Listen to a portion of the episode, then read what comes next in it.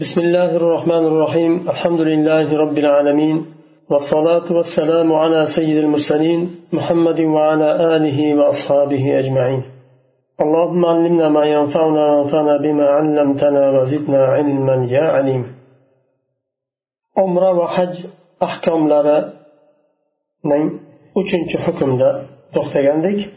ماذا يجب على المحصر وأين موضع ذبح الهدي muhsar u yo'lda hajdan to'silib qolgan bir sabab bilan to'silib qolgan kishini aytgandik hajdan to'silib qolgan kishiga nima vojib bo'ladi va jonliqni qayerda so'yadi الآية الكريمة صريحة في أن على المحصر أن يذبح الهدي لقوله تعالى فإن أحصرتم فما استيسر من الهدي وأقله شاة شاة والأفضل بقرة أو بدنة وإنما تجزئ الشاة لقوله تعالى فما استيسر وهذا رأي جمهور الفقهاء وروي عن ابن عمر رضي الله عنه أنه قال بدنة أو بقرة ولا تجزئ الشاة والصحيح رأي الجمهور.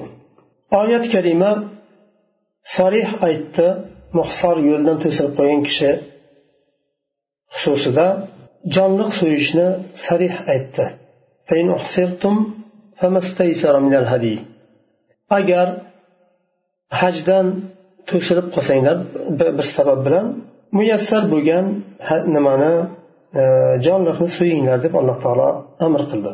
Va buni eng ozi qo'y so'yiladi eng kichik jonliq qo'y so'yiladi sigir yo nima tuya so'yiladigan bo'lsa afzal. Eng ozi eng kichik nima? Jonli qo'y so'yilinadi. Deganimizni sababi alloh taolo famastaysara deyapti muyassar bo'lganini deyapti. Va bu jumhur fuqarolarni fikri shu mazhabi. Qo'y so'ysa ya'ni sahih bo'ladi va yelkasidan nima zimmasidan jonliq so'yish nimasi vojibi tushadi.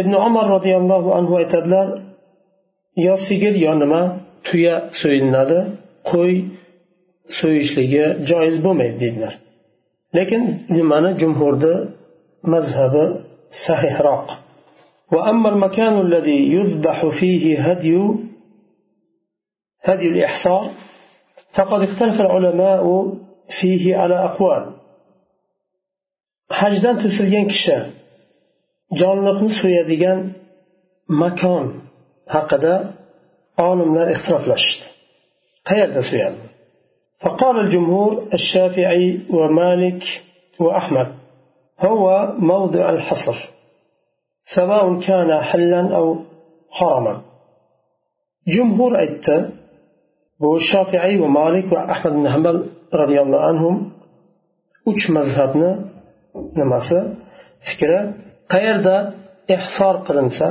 qayerda to'silinsa o'sha yerda jonliqni so'yadi farqi yo'q uni haramni ichidami yo haramga kirmasdan oldinmi وقال أبو حنيفة لا ينحره إلا في الحرم أبو حنيفة رحمه الله تعالى فقط كان حرم دا so'yadi jonliqni harom derkan makkada so'yadi Э, boshqa yerda so'yishlikni u kishi joiz emas dedilar.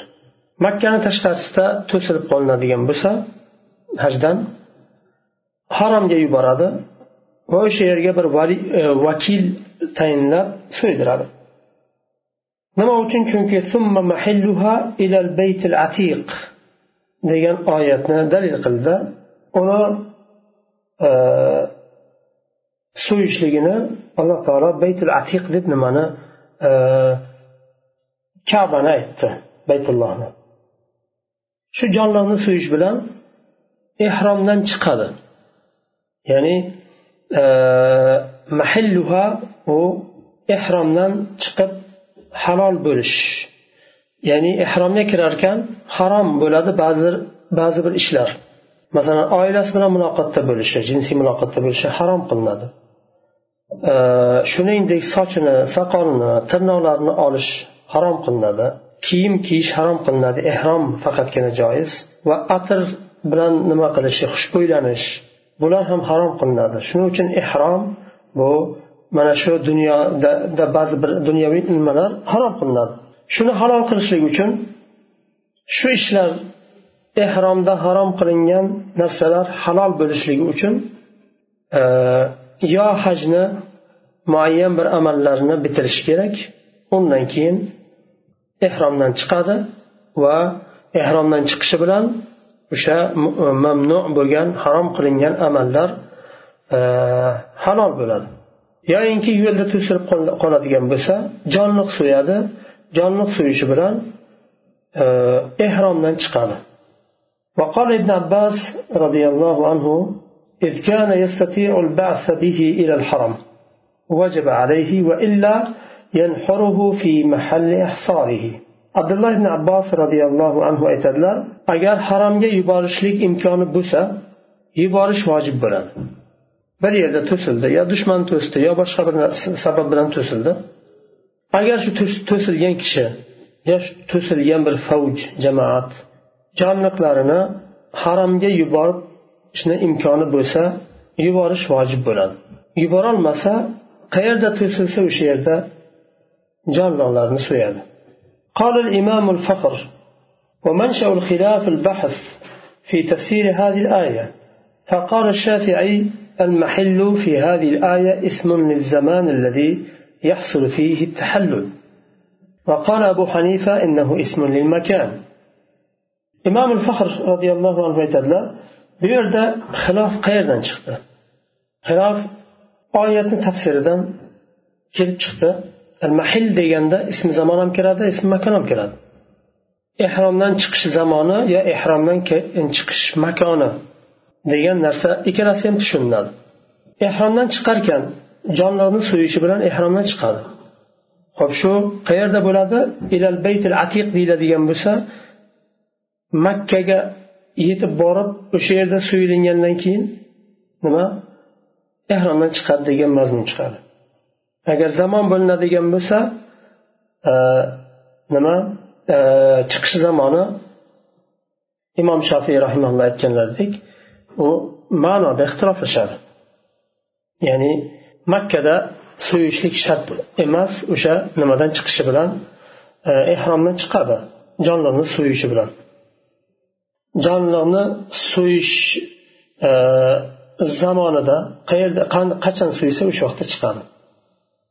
الترجيح والراجح رأي الجمهور اقتداء برسول الله صلى الله عليه وسلم حيث أحصر بالحديبية ونحر بها وهي ليست من الحرم فدل على أن المحصر ينحر حيث يحل من حرم في حرم أو حل وأما قوله تعالى هديا بالغ الكعبة وقوله ثم محلها إلى البيت العتيق فذلك كما يقول الشوكاني رحمه الله في الأمن الذي يمكنه الوصول إلى البيت والله أعلم.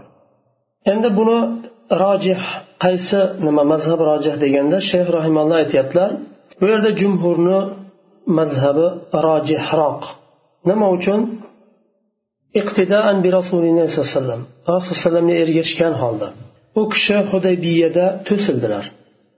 Quraysh tarafidan quraysh mushriklari u kishini umradan to'sdi va hudaybiyada jonliqlarni so'ydilar hudaybiya harom haromdan sanalmaydi. Haromni tashqarisida hudaybiya. Bu hadis dalolat qiladiki muhsor qayerda to'sinadigan bo'lsa o'sha yerda so'yadi haromda bo'lsin yo haromdan tashqarida bo'lsin. Ammo hadyan balig'al kaba ya'niki oyatlariga kelsak shavkoniy rahimulloh aytadilar bu oyat haromga baytullohga yetishlik mumkin bo'lgan omonlik vaqt nazarda tutilingan e, deganlar allohu alam ya'ni bu oyatdan murod haromga yetishlik mumkin bo'lgan omonlik vaqtini e, nima e, ma'nosida deganlar al hukm الرابع ما هو حكم المتمتع الذي لا يجد الهدي متمتع haram oylarda haj oyida umra bilan hajni bir safarda jamlagan kishini mutamattiya deyiladi oldin umra qiladi va umra qilgandan keyin umrani ehromidan chiqib yana qaytadan hajga ehrom kiyadi bu kishi agar jonliq topolmasa so'yishga nima qiladi دل قوله تعالى فمن تمتع بالعمرة إلى الحج فما استيسر من الهدي kim haj bilan umrani haj bilan birga qo'shib umradan foydalansa umrani ham qilsa ya'ni bir safar bilan ikki ibodatni qildi foydalandi. Alloh taolo unga muyassar bo'lgan jonliq so'yishni buyurdi. Bu oyat dalolat qiladiki mutamatti hojiga jonliq so'yishlik vojib ekaniga dalolat qiladi. فإذا لم يجد الدم إما لعدم المال أو لعدم الحيوان صام ثلاثة أيام في الحج وسبعة أيام إذا رجع إلى أهله bunday holda agar mutamattiya so'yadigan nima topolmasa jonliq yo sotib olishga puli yo'q yoyinki sotib olinadigan hayvon yo'q u holda nima qiladi hajda uch kun ro'za tutadi va yetti kun hajdan qaytgandan keyin ro'za tutadi وقد اختلف الفقهاء في هذا الصيام. في قوله تعالى فصيام ثلاثة أيام في الحج. fuqarolar bu savmda ixtiroflashdi hajda uch kun hajda xususida فقال أبو حنيفة المراد في أشهر الحج وهو ما بين الإحرامين إحرام العمرة وإحرام الحج. فإذا انتهى من عمرته حل له الصيام وإن لم يحرم بعد بالحج. والأفضل أن يصوم يوم التروية ويوم عرفة ويوما قبلهما. يعني السابع والثامن والتاسع من ذي الحجة.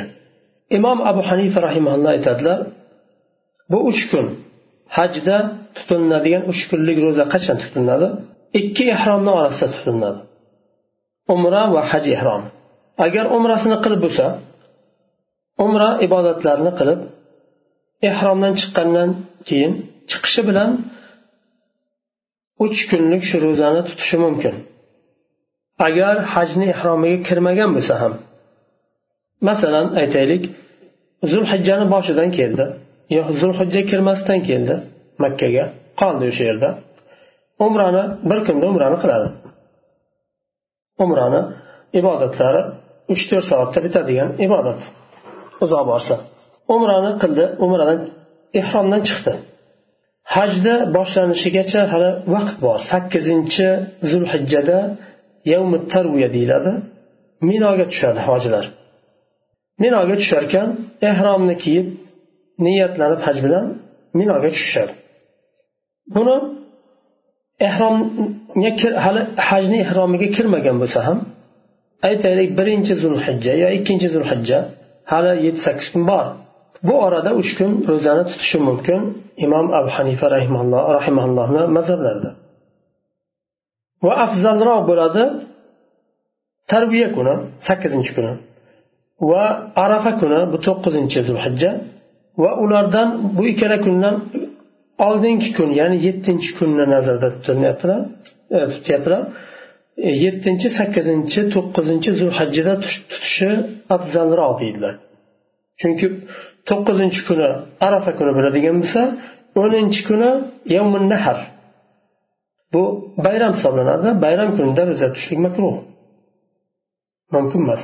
Ya'ni shuni e, bu imom abu hanifa rahimallohni mazhablari قال الشافعي لا يصح صومه إلا بعد الإحرام في الحج لقوله تعالى في الحج ثلاثة أيام في الحج دل الله فرا شنو شن حج نإحرام جكر جنن كين جنا صحيح بلاده تتكن رزاس ونن أضل تكن روزس ondan oldin tutgan bo'lsa hisobga olinmaydi haj ehromiga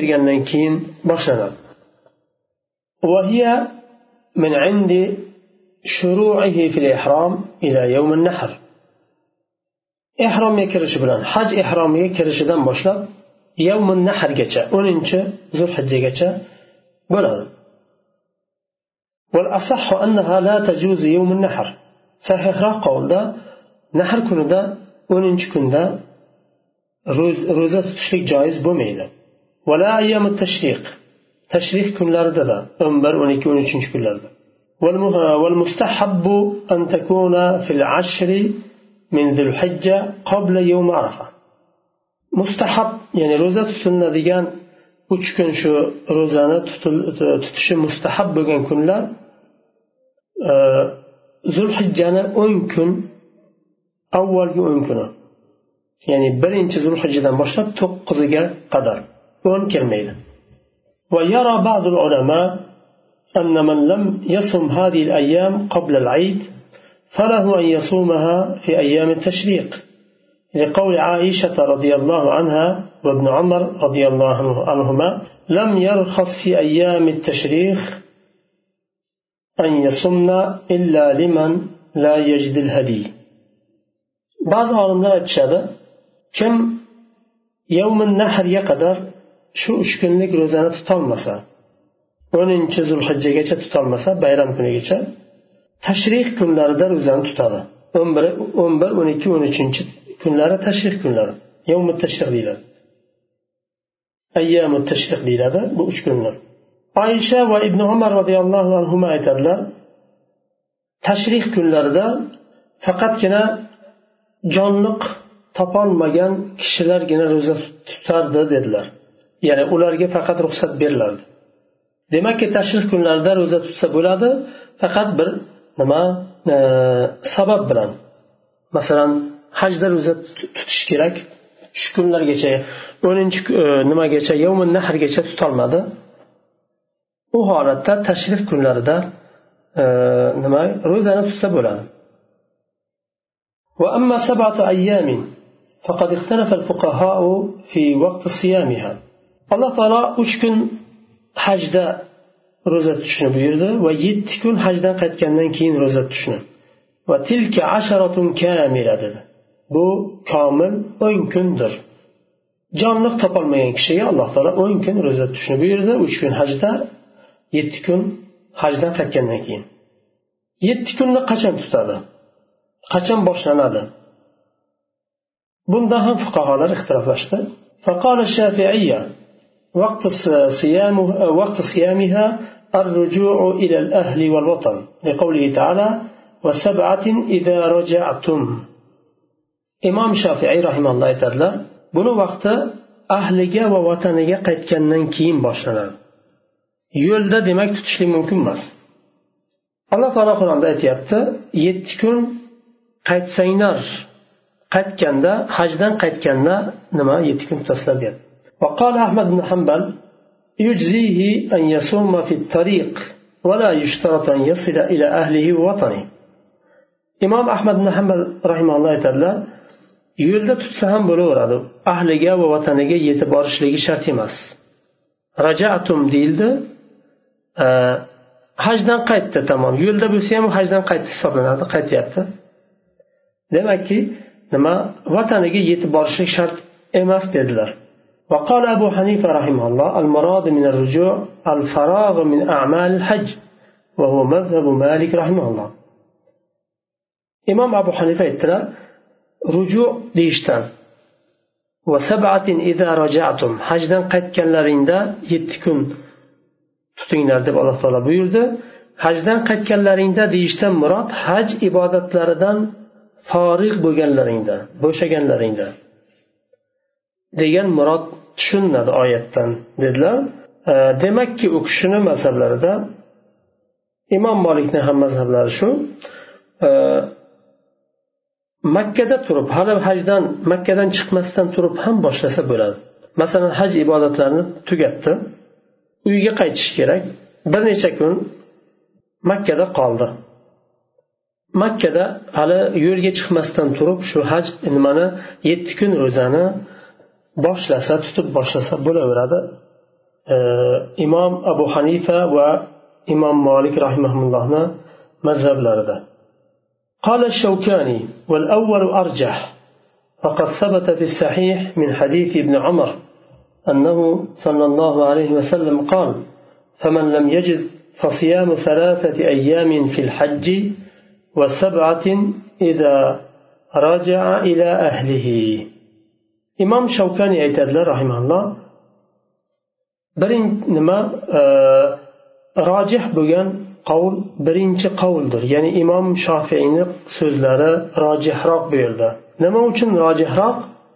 Sahih hadis qo'llab quvvatlaydi bu dalilni.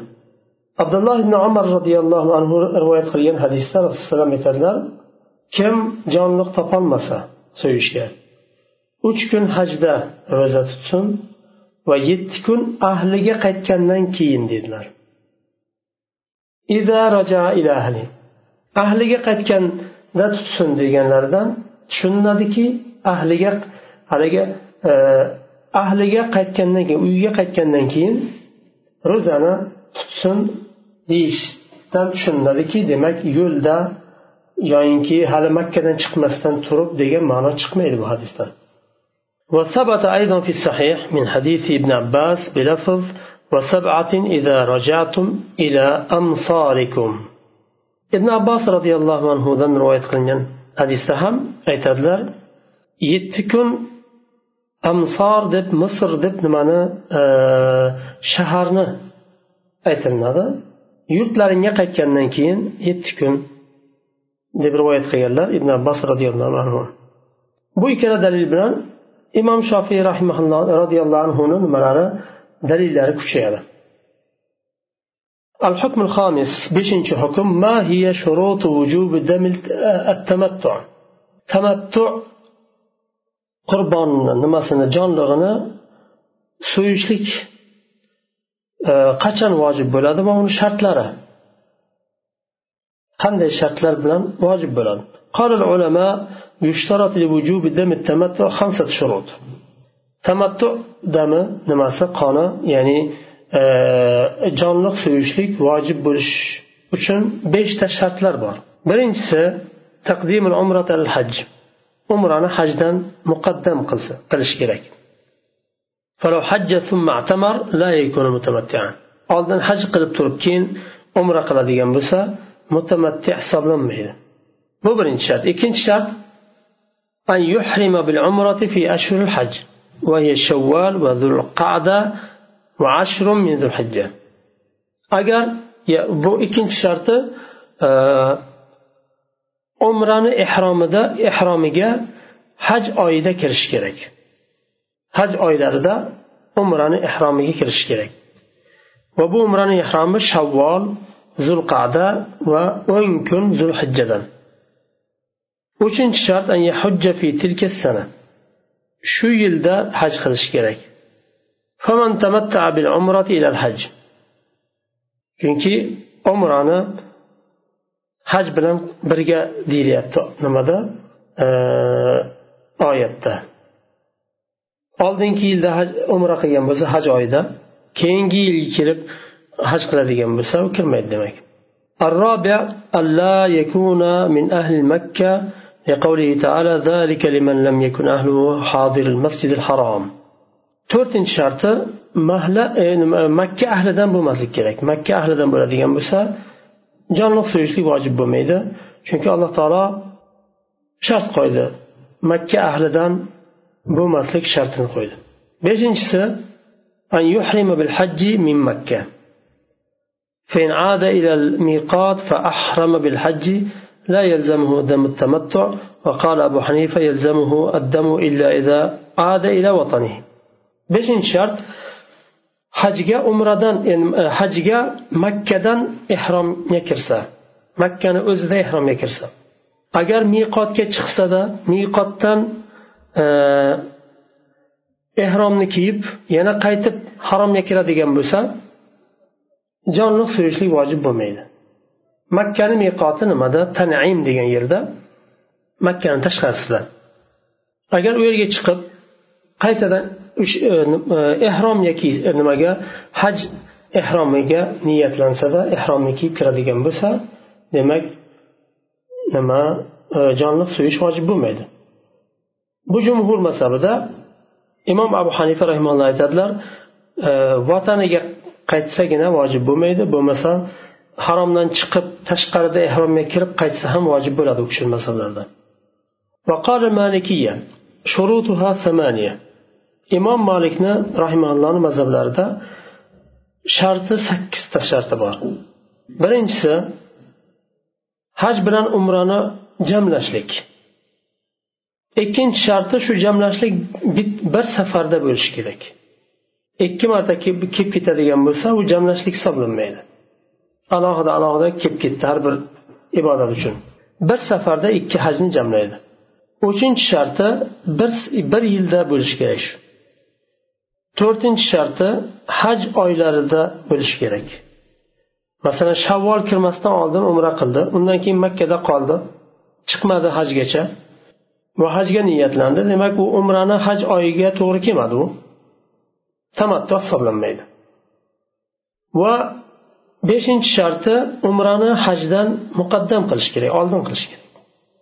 Oltinchi sharti